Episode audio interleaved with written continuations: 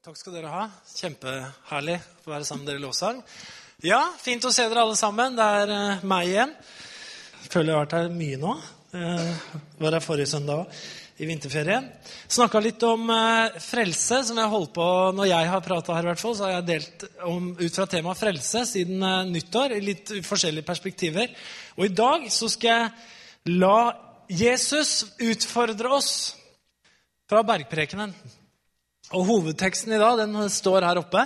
Men trang er den porten, og smal er den veien som fører til livet. Og få er de som finner den. Du får sikkert noen sånne assosiasjoner med en gang du eh, hører den teksten, eller ser den teksten. Det gjør i hvert fall jeg, men den teksten har jeg lyst til å snakke litt om i dag. Den, for den handler om frelse. Jeg, jeg traff, eh, en som eh, har blitt jeg må si han har blitt en venn av meg, domprost David Gjerp, her for en stund siden. og han, Vi snakka litt om det at paven hadde abdisert. Vi snakka om skal vi søke, skal vi ikke søke. ikke sant? Det blir alltid sånn man treffes. Nei da. Men vi, vi prata om det.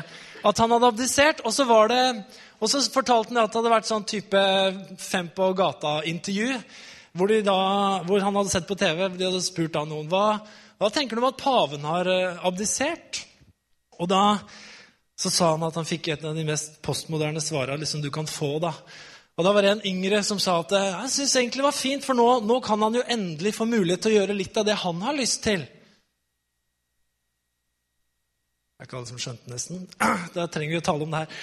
Nei, for det, altså, det, er jo det er så fint at han da endelig kan få leve det livet han egentlig vil leve. Da kan han få gjort litt av sine egne greier. liksom Få gjort det han har lyst til. Akkurat som det var noe forskjell på det han hadde lyst til, og det Gud hadde lyst til. For det, det er klart, det er en det er så fjernt fra den måten vi tenker på i en kirke. ikke sant? Og hvordan en pave tenker. Ikke jeg er sånn pavefan, det er ikke det jeg sier. Men det man tenker, er at det å finne og det å gjøre Guds vilje i livet, det er livets store mening. Og Ikke bare fordi det er en type tvang eller et eller annet sånt som Gud skal presse på oss, men det handler om at da finner vi livet. Da finner vi livet. Jeg leste en eh, kronikk i avisa, eh, og der var det sitert Frank Aarebrot, du vet han bergenseren med de gamle brillene og det store skjegget og det bustete håret, som alltid kommenterer valgresultater. Eh, ikke sant? Og han, han, han fortalte nå det. Han er, jeg tror han er professor på Universitetet i Bergen. Han sa det nylig, eller akkurat i 2012, at vi akkurat nå, historisk sett, akkurat vi som lever nå, vår generasjon, vi er den første noensinne som tilbringer de fleste av våre våkne timer til å være konsumenter i forhold til å være produsenter. Vi bruker altså mer tid på å konsumere enn på å produsere. Det er første gang i historien vi kan si at det er sånn. Vi bruker mer av vår tid til å være konsumenter enn å være produsenter. Og det her det utfordrer Jesus oss veldig på. For det går ikke an å si på en måte at Og dette kan jo det være en fare for at sniker seg inn i våre liv eller i, i vår kirke. eller noe sånt. Det er vi fryktelig prega av. Det er ikke en fare for det engang. Vi er enormt prega av selvfølgelig, Vi lever midt oppe i samfunnet med de utfordringene som er osv. I forhold til at vi er konsumenter. Og hvorfor er det noe poeng å snakke om? Jo, fordi at det å være konsument det skaper også en type tankegang, en måte å tenke på, en måte å leve livet på som er annerledes enn det som jeg tror Jesus utfordrer oss veldig tydelig på i forhold til å være kristne og finne frelse og gi frelse videre. Hvis du visste det for 50 år siden, i 1960, så brukte vi ca. 25% av inntektene våre på mat. I dag bruker vi ned mot 10% på mat. Så vi bruker mye penger på andre ting, bl.a. hus og bolig og sånn, og en del masse andre ting. Hobbyer osv. Eh, paradokset er da at i tida vår, samtidig som vi har På en måte har vi mer tid. Jeg, mener, jeg, jeg husker bestemora mi. Hun var litt seint ute. da, det skal sies. De bodde ikke midt i byen her, de bodde ute i, i Slagen på et lite sånn småbruk. Men når jeg var liten, så hadde ikke hun vaskemaskin. Jeg er født i 67, og jeg husker fortsatt at hun hadde Bryggerhuset, hun hadde Stampen, hun hadde den der rifla fjøla, jeg vet ikke hva den kalles engang, sånn vaskebrett. ikke sant? Og holdt på med det og kokte klær og styra der ute. Tenk deg hvor mye tid hun brukte på det. Og de hadde egne poteter, egne gulrøtter og alle frukttrær og sylta og, og, holdt på. ikke sant? Er det noen som kjenner seg igjen? Det er ikke så lenge siden. Ja, ikke sant? Det høres jo ekstremt Det er lenge siden jeg innrømmer det. Jeg, jeg skjønner jeg begynner å dra på åra. Eh, men jeg husker nei da. Men jeg husker hun fikk vaskemaskin trykt under kjøkkenbenken ikke sant, en gang i 1974 eller et eller annet sånt, og tiden hun sparte. Så tenk deg hvor mye tid vi sparer. Vi trykker på knapper, og allting skjer hjemme hos oss, og vi har mye tid. Samtidig så opplever vi at vi har dårligere tid enn noensinne. Det er det som er paradokset. Vi snakker om tidsklemme. Jeg mener, Før så gikk de seks dager i uka på skole. Det var skole på lørdag. i hvert fall når jeg var liten, så slutta det akkurat når jeg starta på skole. Eh, heldigvis. Hun har ikke første hadde ikke fått det likevel. Men sjetteklassing gikk på skole på lørdag. Bestefaren min jobba, han var snekker. Han jobba mandag til fredag, og på lørdag så jobba han til to. ikke sant? Og så var det to gudstjenester på søndag, og så hadde man eget jordbruk hjemme. og i det hele tatt, Mange levde sånn. Og de hadde dårlig tid. Men vi har enda dårligere tid enn når vi har tre biler og tre oppvaskmaskiner ikke sant? og kaffemaskiner og you name it. Og det er litt rart. Midt oppi det her, da, så er det sånn at Jesus han oppfordrer oss til å være disipler, han oppfordrer oss til å gjøre disipler.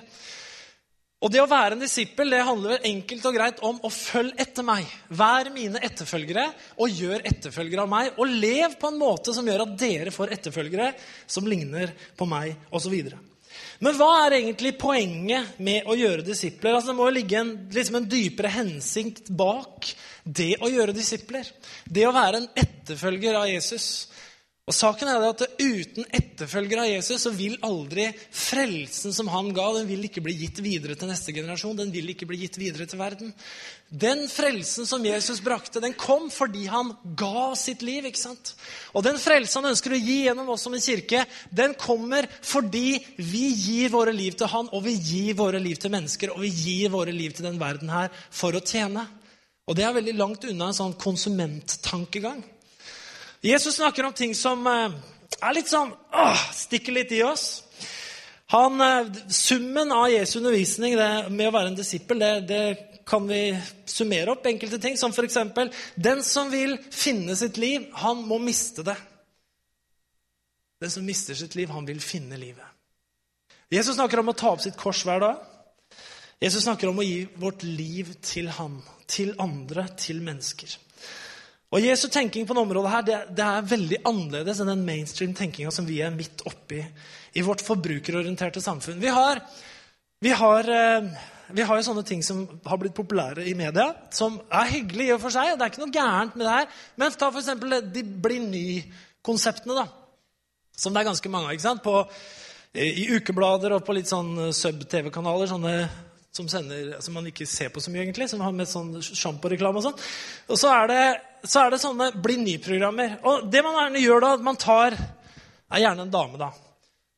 Eh, som man tar som er, eh, har feil klær, helt klart. Altså, det første bildet du ser av, det er ikke behandla i Photoshop. Det er veldig viktig. at Dette før og nå. Dette før-bildet er helt begredelig. Stygg bakgrunn, alt er stygt rundt. Eh, klærne er, det er sekkete. Det er feil utvaska klær med feil tyngdepunkt. Eh, og det er, eh, håret er stritt, eh, uten glans. Huden er gusten. ikke sant? Maskaraen er feil. Det er for mye av det. Det, det mangler andre. ikke sant? Dette her blir helt feil. Og det er feil smykker, og det er det hele tatt mye som er feil. Men den dama her Og så Voilà! Så kjører vi inn til noen stylister og litt forskjellig sånn. De kjøper nye klær, forteller hvor feil det her var, og hvor riktig det blir med disse klærne. De bytter ut de stygge brillene har, putter på designbriller, og så får de opp eh, fluffy håret, og så litt glans, ikke sant? og det ene og det andre, og så en tur hos Jan Thomas, og så er det fantastisk! Et helt nytt menneske som kommer ut på andre sida. Det er en helt annen person, faktisk.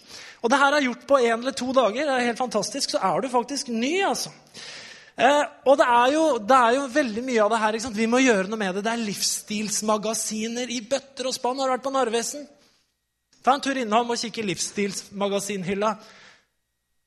Helse, kosthold, slanking, klær, møbler, hus, design You name it, you name it, you name it. Det er bøtter og spann av livsstilsmagasiner fordi at eh, vi ønsker å fremstå på en viss måte. Vi ønsker å være noe, vi ønsker å være relevante osv. osv.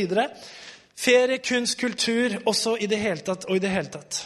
Man designer sitt nye selv. Og det er veldig interessant vet du, at I Bibelen så finnes det ingen beskrivelse av hvordan Jesus så ut.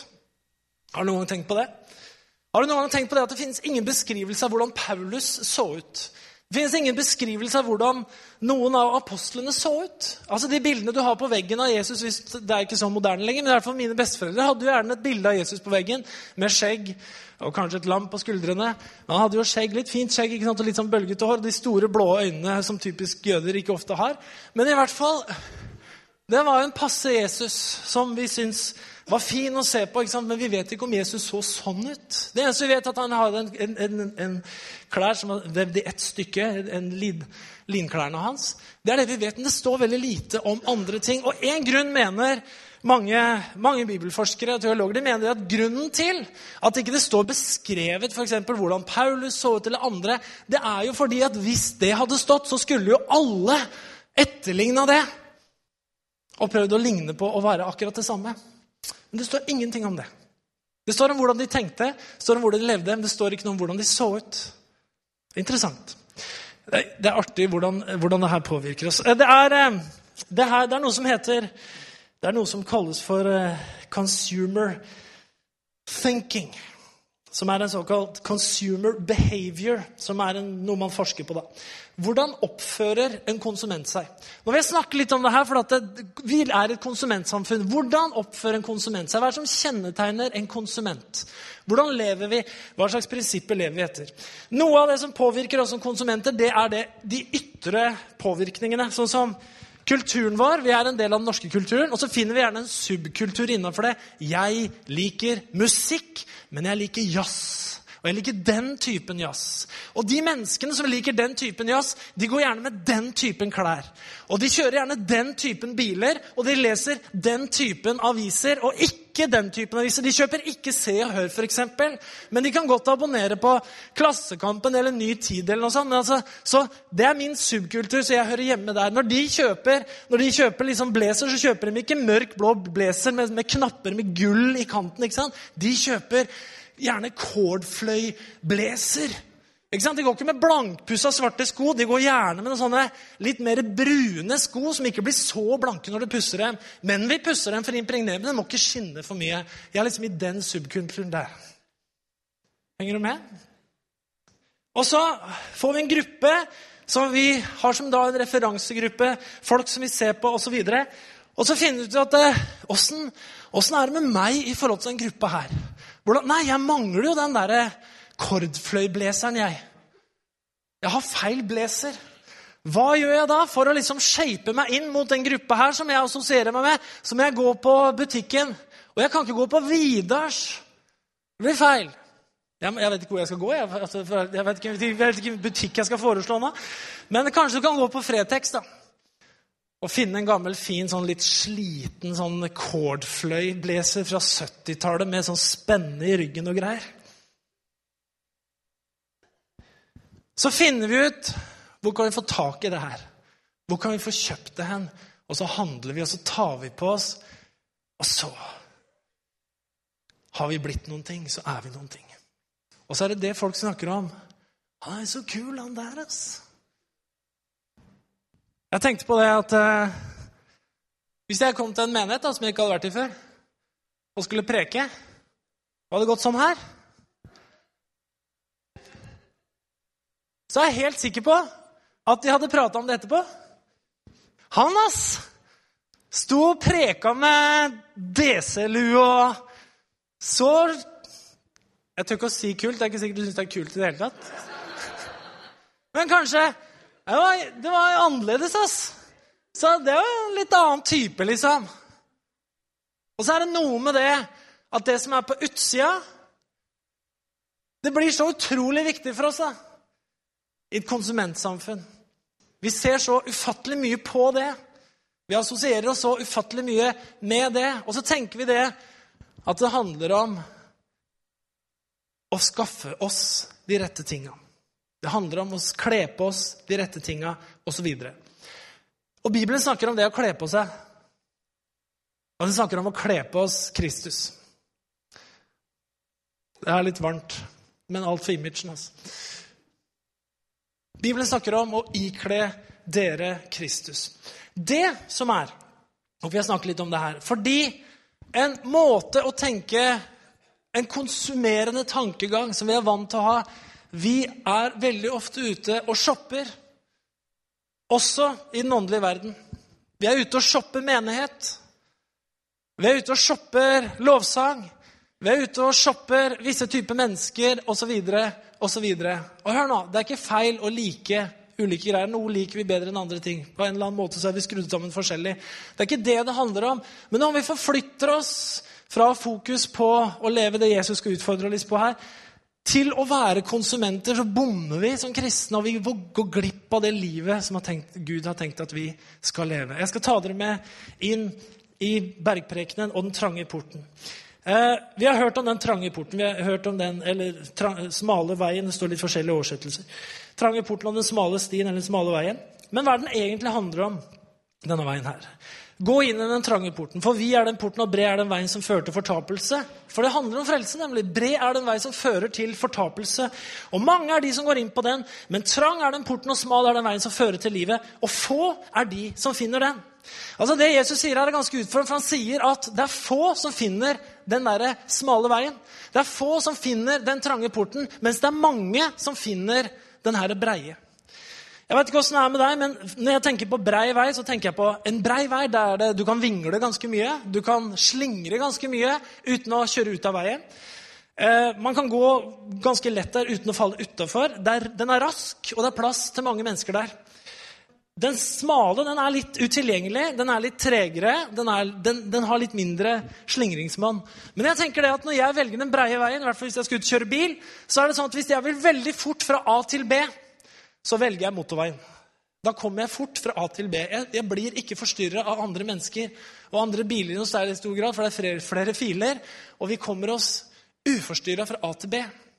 Hvis jeg skal oppleve noe, hvis vi hadde vært på reise og vi skal ut på tur, som vi skal til sommeren, eksempel, så, så sier vi til oss sjøl ja, vi kan kjøre noe motorvei, kanskje, men hvis vi skal oppleve noe, hvis vi skal treffe mennesker og vi skal møte folk der de egentlig bor, om det skal være noe autentisk som vi skal komme borti, så kan vi ikke ta highwayen. Da må vi ta de små veiene, da hvor vi kommer gjennom landsbyene, hvor vi treffer mennesker og møter autentisk liv. Jeg tror det kan være et ganske bra bilde på det Jesus snakker om. Det å gå på den breie veien kan liksom tenkes som en sånn quick greie, men vi kommer ganske fattige fram. Vi har ikke opplevd noe annet enn oss sjøl. Men kjører vi Route 66 istedenfor The Interstate, så møter vi noe som kalles mennesker. Så møter vi folk, vi møter kultur, vi møter lokale skikker osv. osv. Vi skal gå litt tilbake i, i den teksten her i det sjette kapittelet i eh, Matteus 6. Der sier Jesus Dette kommer da som en forløper til det her.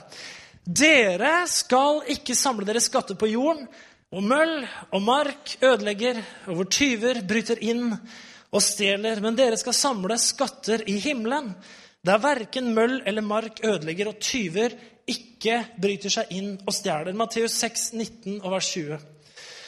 Han sier videre i vers 24.: Ingen kan tjene to herrer. Han vil enten hate den ene og elske den andre, eller holde seg til den ene og forakte den andre.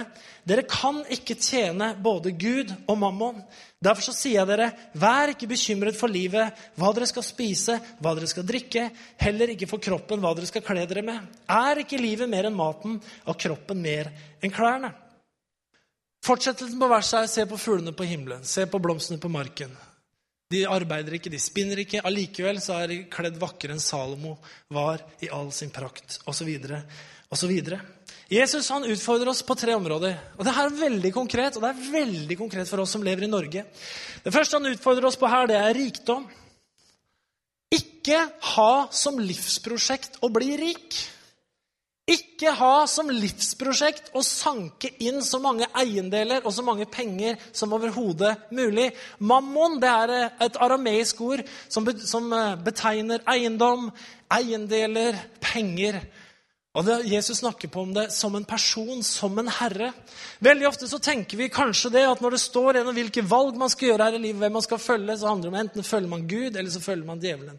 Men når Jesus snakker om det her, så snakker han ikke om å følge Gud eller følge djevelen. Han snakker om å følge Gud eller følge mammon. Han snakker om å følge Guds agenda, ha Jesus som herre. Eller han snakker om å ha pengene, materialismen, Havesyken sto det i den gamle oversettelsen. husker Jeg ikke skjønte, jeg lurer på om det ble syk av å være for mye i haven. Men det er ikke det det handler om. Det handler om at man vil ha. Jeg må ha mer. ikke sant? Og Jesus sier det at det er det dere må passe dere for. Om dere skal leve og være mine etterfølgere og være mine disipler, så må dere ha meg som herre. For dere vil enten elske den ene og hate den andre, motsatt vice versa. Det utfordrer Jesus på. Hvordan er det med oss som lever i dag? Hvor lett blir ikke vi dratt inn i alt det vi må ha?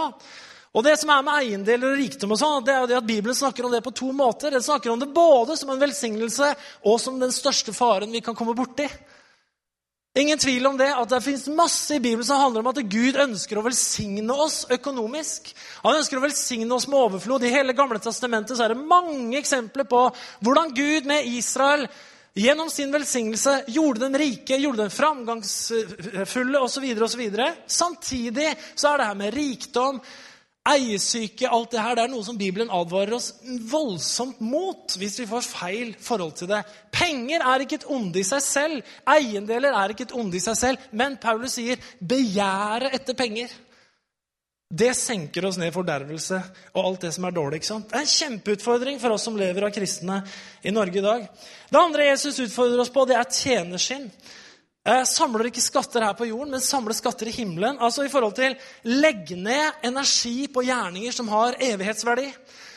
Det er utrolig mye vi legger mye energi ned på som ikke har evighetsverdi, som kommer til å ruste i stykker, som kommer til å gå i stykker osv. Det vi skal investeres i Jesus, det er det som har evighetsverdi. Hva kan vi investere i da? Mennesker. Vi kan investere mennesker, vi kan investere tid, vi kan investere penger, gavene våre, alt det her. Sånn som Jesus gjorde. Vi kan investere det i mennesker. Det har evighetsverdi. Det er Jesus utfordrer oss på. Hvem er det som er herre? Er det Gud, eller er det mammon? Eh, Jesus går videre. Jeg skal ta med inn i syv kapitlet. Fortelle litt om Gud. For jeg tror Jesus I kapittel 7 så viser Jesus noe av Guds karakter på en fantastisk måte. Han skriver, eller han sier i Matteus 7, 7-12, så sier han sånn her om bønn. Be, så skal dere få. Let, så skal dere finne. Bank på, så skal det lukkes opp for dere. For den som ber, han får, og den som leter, han finner. Og den som banker på, skal det lukkes opp for. Eller hvem av dere vil gi sønnen sin en stein når man ber om et brød? Eller gi ham en orm når han ber om en fisk? Når dere som er onde, vet å gi barna deres gode gaver, hvor mye mer skal da ikke deres far i himmelen gi gode gaver til dem som ber ham? Alt dere vil at andre skal gjøre mot dere, det skal også dere gjøre mot dem, for dette er loven og profetene. Eh, jeg tror Jesus, Når han forteller her, så viser han oss Guds sinnelag. Han viser oss Guds karakter, han viser oss Guds godhet. På mange måter kan vi si selv om vi er de som kommer og ber, så kan vi si at Gud viser sitt tjenerskinn overfor oss. Hans innstilling som far. Gud sier med andre ord, 'Kom til meg og be'. Han sier med andre ord, 'Kom til meg og spør om ting'. Kom til meg og be meg om hjelp. Kom til meg når du har behov. Kom til meg når det er noe du trenger. Og legg din bønn fram for meg. Jeg vil gjerne høre din bønn. Jeg vil gjerne høre ditt behov. Jeg vil gjerne høre hva du trenger. Du er velkommen. Det er det Gud sier. Og så sier han da at Gud da ikke er en sånn psykopappa som da Du får en stein til kveldsmat. Eller du fikk en orm istedenfor det der andre du ba om, men ikke husker helt hva det var. Nei. Hvis et barn ber om brød, så vil en god pappa gi brød. Så vet alle fedre at det er ikke alt barn ber om, som er like smart. Det er ikke alt vi gir. Men når, de, når han ber om et brød, så er det en bra ting. Det skal mye til at jeg nekter guttene mine brød hvis de kommer og ber om det. Kan jeg få en brødskive, pappa? Nei. Sorry. Her blir det stein og ormer. Det gjør jeg jo ikke. Brød er eh, det vil jeg si det er ubegrensa tilgang på. Raske bønnesvar på. Gud gir oss det vi trenger. Gud gir oss villig det vi ber om. Han sier og let, fortsett å lete. Og bank på og fortsett å banke på. Ikke gi opp. Gud vil gi deg det du ber om. Og det forteller noe om Gud.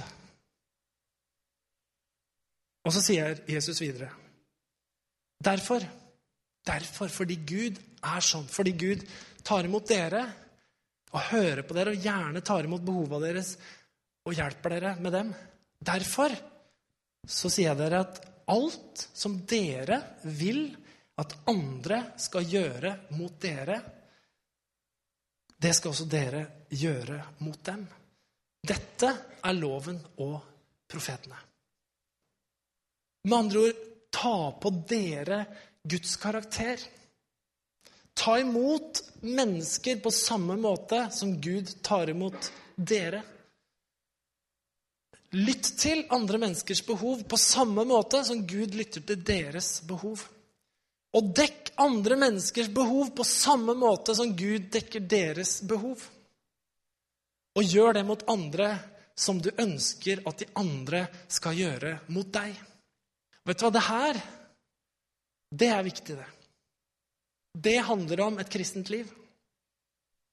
Og så sier Jesus videre, neste vers I en oversettelse står det derfor gå inn gjennom den trange porten. For vi er den port, og bred er den vei som fører til fortapelsen, og mange går inn gjennom den. Men trang er den porten, og smal er den veien som fører til livet, og få er de som finner den. Hva er det det her er linka til? Jo, det er linka til den smale, den trange porten og den smale veien. Det handler om at det du vil at andre skal gjøre mot deg, gjør det mot dem. Hvorfor det? Fordi Gud er sånn. Det er Kristi karakter. Det er Guds karakter. Dette åpner sinnet overfor andre mennesker. Det er det det handler om. Den trange porten det handler ikke om noe annet enn at vi gjør det her. At vi begynner å åpne oss for å være tjenere og ikke konsumenter. Det handler ikke om noe annet enn at vi slutter å være de som krever å få, og som krever at noen skal produsere for oss, og snur oss rundt og blir som Gud og blir som Jesus, som ga sitt liv for at andre skulle finne frelse. Er det ikke det det handler om? Er det ikke det det handler om å være kristen? Er det ikke det det handler om å leve det kristne livet? Jeg hadde håpa på et lite spleiselag på et ammen her, altså.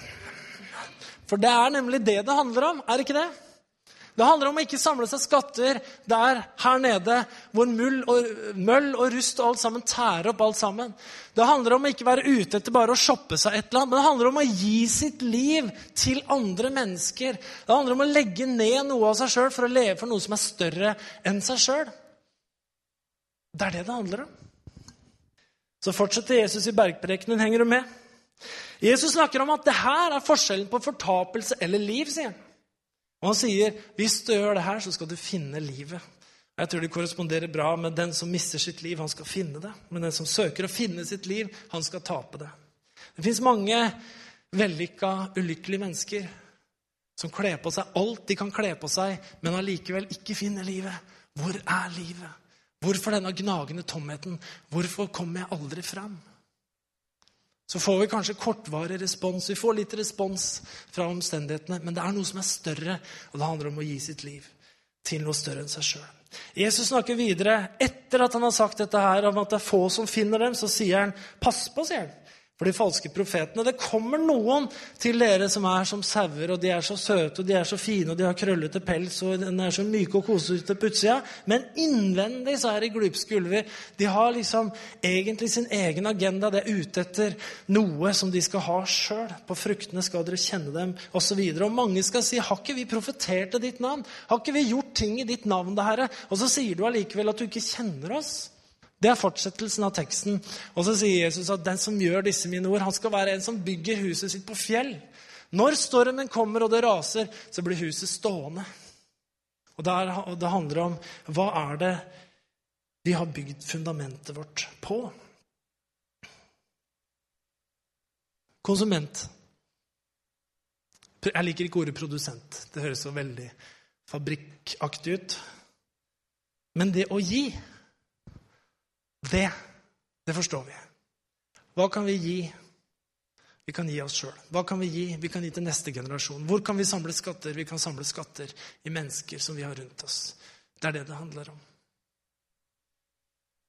Høyre lå dårlig an på meningsmålingene. Da mente strategen i Høyre at det var viktig at Erna Solberg tok en øyelokkoperasjon og slanka seg ti kilo. Hvilket hun gjorde. Husker at hun hadde sånne øyelokk som hang for langt ned, ifølge alle mainstream-standarder. Hvem vil stemme på en potensiell statsminister som har øyelokk som henger for langt ned? Det forstår jo alle at det går jo ikke. Her er det på tide med operasjon. Og nye klær. Og eh, ti kilo av. Og så begynner vi å stige på meningsmålingen igjen. Glory! Men sånn er vi jo i det samfunnet vi lever i. Det er så mye på utsida at det er helt utrolig. Vi syns det er mye i USA, syns vi, for de ligger alltid litt foran oss. Men vi kommer jo godt etter, ikke sant? Og så kan vi så lett havne inn i denne tenkinga og den måten å leve på som kristne. Så overfladiske. Og se etter så feil ting. Kirke kommer av det greske adjektivet kyriakon, som betyr, kommer av kyrio, som betyr 'det som hører Herren til'. Noen ganger er jeg veldig usikker på hvorfor kirker kaller seg for kirker.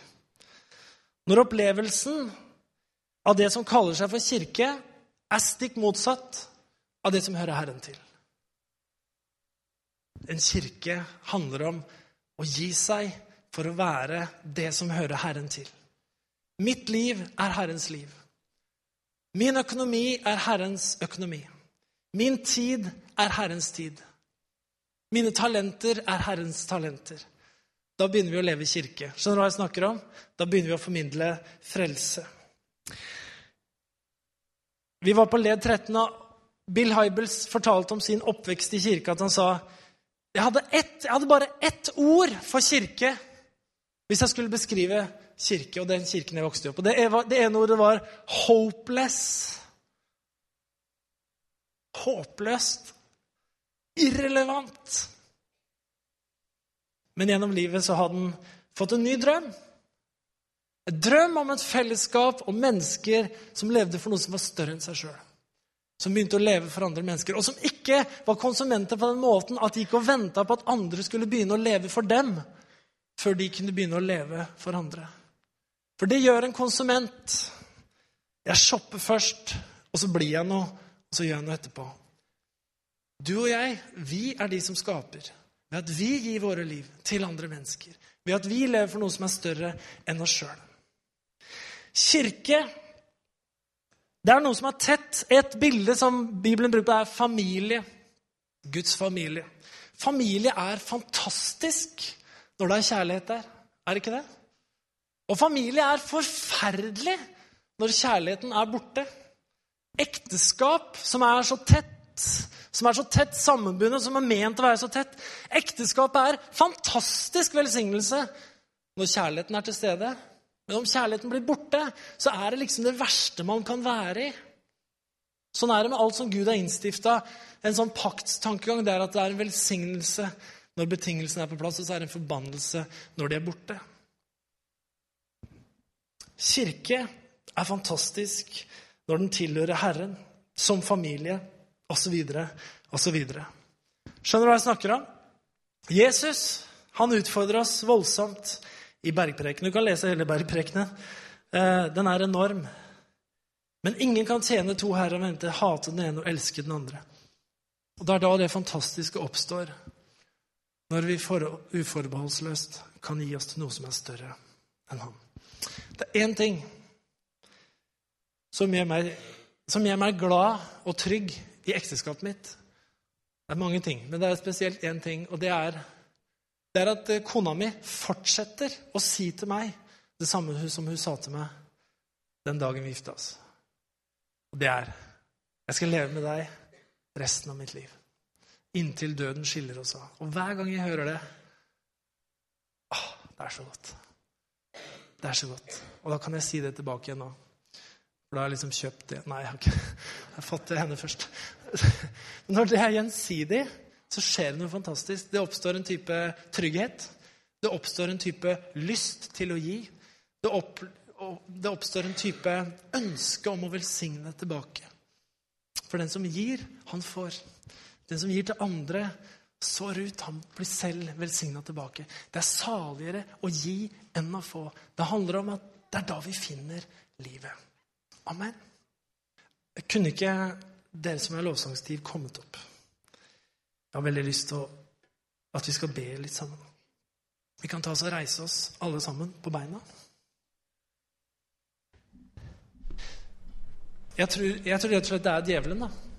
For det står det at han, djevelen han tar bort lyset som skinner i evangeliet. Han blinder oss mennesker så ikke vi ser lyset som skinner fra evangeliet. Så blir vi blinde. Så tenker vi at det å gi, det er alltid et tapsprosjekt, tenker vi da. Det å gi livet sitt osv., det må jo være et tapsprosjekt. Man kan, ikke, man kan ikke få noe hvis man gir det bort. Men så er Guds logikk helt annerledes på det. Men det er det evangeliet handler om. Det handler om at én kom for å gi sitt liv for at vi skulle finne frelse. Hvis du er her i formiddag som har tenkt på det her Hvordan ville det vært å gi livet til Jesus? Kanskje du ikke har gjort det. Kanskje du ikke har gitt livet ditt til Jesus. Hvordan vil det være å gi livet til Jesus? Jeg kan fortelle deg ikke noe annet enn det Bibelen sier, og det jeg har opplevd, mange har opplevd. Det å gi livet sitt til Jesus, det er det beste som er. I det øyeblikket du gir ditt liv til han, så får du hans liv tilbake. Det kalles for frelse. Det er det Jesus gjorde på korset. Når han gikk på korset, så bytta han liv med oss. Han sa, 'Jeg går Hvis jeg får livet ditt, så tar jeg ditt liv med opp på korset.' Din synd, dine nederlag, det tar jeg med meg opp på korset. Hvis jeg får livet ditt, så tar jeg med det på korset. Og så er det sånn at på korset så dør det livet som du hadde, det dør der sammen med meg Så tar jeg med det ned i graven. Så står jeg opp igjen med et nytt liv. Og den reisa her får du lov å være med på. Du får lov å oppleve å stå opp med et nytt liv på andre sida om du gir ditt liv til Jesus. Hvis du er her i formiddag som aldri før har bestemt deg for å gi ditt liv til Jesus og få hans liv tilbake igjen, så er det en mulighet for det her i formiddag. Hvis alle lukker øynene, så har jeg bare lyst til å spørre deg om du er her, som, har, som vil gi livet ditt til Jesus i formiddag. Dine, dine seire, dine nederlag, din sinn, synd, din mislykkahet, hva det nå måtte være, så er det sånn at Jesus inviterer deg til å gi det til han i formiddag. Og få et nytt liv. Hvis alle lukker øynene bitte litt, så vil jeg spørre hvis du er her, så vil jeg at jeg skal be den bønnen for deg, så kan du rekke opp hånda, og så skal jeg be en bønn for deg. Gud velsigne deg. Er det flere som aldri har bedt den bønnen av hele sitt hjerte før?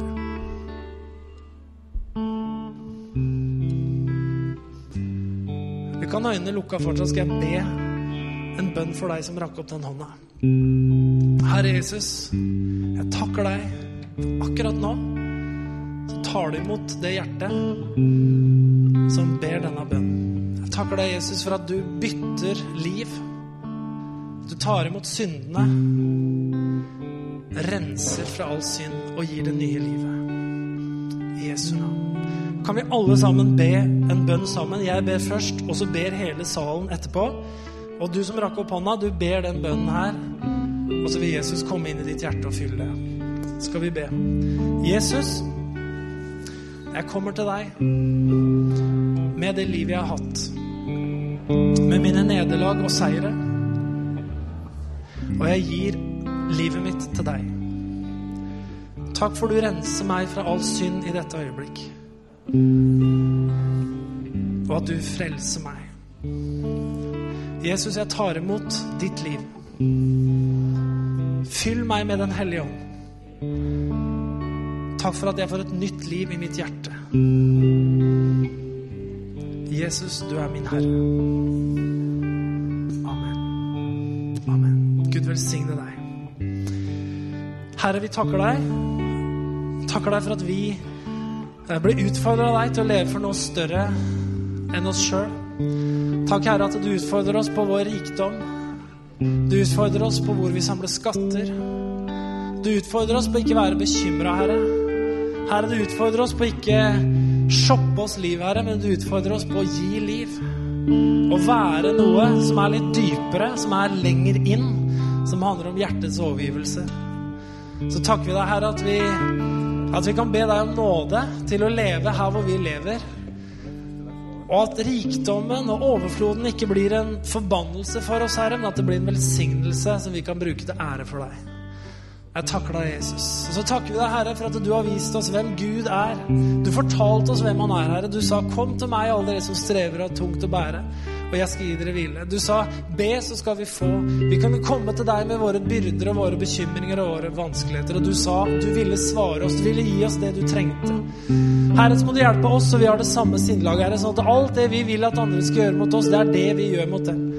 Takk, Herre, at ikke vi trenger å være konsumenter som forventer at sånn burde andre være mot meg, men at vi kan være der, og at vi kan starte og sette trenden og leve som sånne mennesker, Herre. Takk for at det er den smale veien, det er den trange porten, Herre. Det er å tjene istedenfor å konsumere. Jeg takker deg for det, far. Hjelp oss alle til å være en ekte kirke, det som hører Herren til, og ikke være noe annet. Takker deg for det, Jesus. Velsign forsamlingen, velsign uka. Og la oss være frimodige vitner i Jesu navn. Amen.